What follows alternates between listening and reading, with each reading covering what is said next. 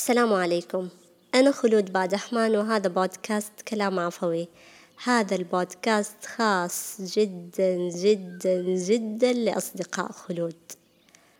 هل جربت الدخول لمكان فلا يلتفت إليك فيه أحد؟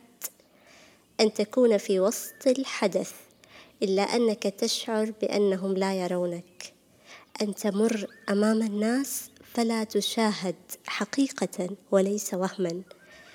تتساءل هل أنا ضئيل الحجم لهذه الدرجة؟ هل صوتي منخفض للحد الذي لا يسمعوني فيه؟ لماذا لا يتذكرني الناس؟ ولماذا يعتبون على عدم حضوري رغم أني حاضر دائما؟ للذين يشعرون بأنهم غير مرئيين وأن أصواتهم لا تصل للأشخاص الذين لا يعرفون كيف يقولون نحن هنا وكيف يبدون رأيهم في مجلس صاخب لا تحكمه أنظمة الدور حين الكلام. للذين يغضبون في أنفسهم حين يكون الثناء لغيرهم والجهد منهم. للذين يغلبهم شعور الوحدة والغربة والخيبة والنقصان. يبدو مضحكا وغير مقنعا لو قلت صدقني أنت مرئي وظاهر للعيان وكاف جدا.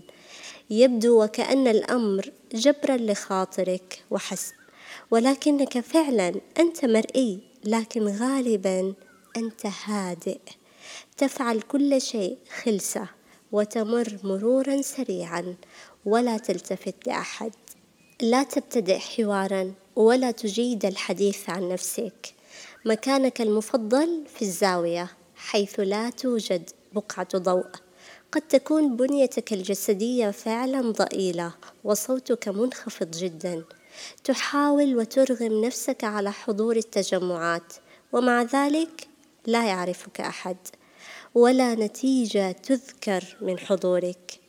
أنت مرئي ولكنك غير لافت. وهنا الفرق. إن كنت منزعجا فعليك أن تفكر بطريقة أخرى لأن الحضور فقط لا يكفي. استعد وهيئ نفسك لتكون مرئيا من قبل الجميع ولافتا لهم. امشي مشية الواثق فالصورة والذكريات البصرية ساحرة دوما. أتلذذ بهذا البيت من قصيدة الأطلال أين من عيني حبيب ساحر فيه نبل وجلال وحياء؟ واثق الخطوة يمشي ملكا ظالم الحسن شهي الكبرياء. حين تدخل لأي مكان توقف لثوان. ابتسم وخذ نظرة مسحية سريعة على المكان. لا تتحاشى نظر الناس إليك وانظر إليهم. اجلس في مكان واضح. تحرك وتحدث مع الناس. أظهر نشاطا واضحا واسمع ماذا يقولون وتفاعل معهم. وكما يقال وما المرء إلا نظرة وحديث. ربما سهلا أن تستمع للتعليمات ولكن أن تتشربها فكرا وشعورا فذاك هو الصعب. لدى البعض الاستعداد الفطري لأن يكون لافتا للانتباه. جذابا واضح الحضور ولكن هذا لا يمنع من محاكاة طريقتهم واكتسابها. ولكن ماذا عن الذين توهجوا حد الاكتفاء؟ الذين صاروا يهربون من الأضواء يذهبون عمدا لأبعد زاوية حتى لا يراهم أحد. نعم قد يحدث هذا. أن تكون مرئيا وتحت الضوء دائما ليس امرا سهلا. قد يشكل ضغطا عليك في أن تجامل وتتحدث وترحب وقد لا تملك الطاقة النفسية لكل هذه الواجبات. الاختفاء بعد الوهج قد يكون سببه استنزاف الطاقة أو ربما النضج لدرجة لم تعد فيها الأضواء تلفت كالسابق أو ربما التشبع والاكتفاء. لا بأس بأن تختار أوقات وهجك وأماكنها.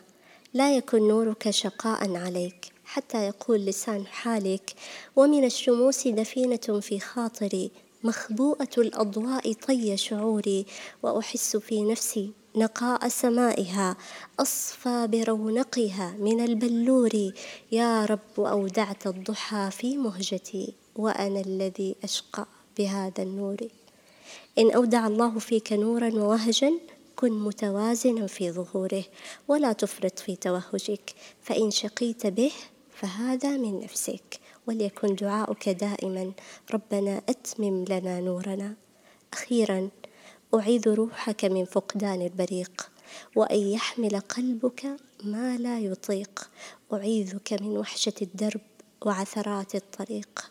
دام ظلك قربنا ولا خبا وهجك بيننا. شكرا. لاستماعكم. لا تنسوا مشاركة الحلقة مع الناس اللي تحبوهم. بس اللي تحبوهم ونلتقي بإذن الله تعالى في حلقات قادمة.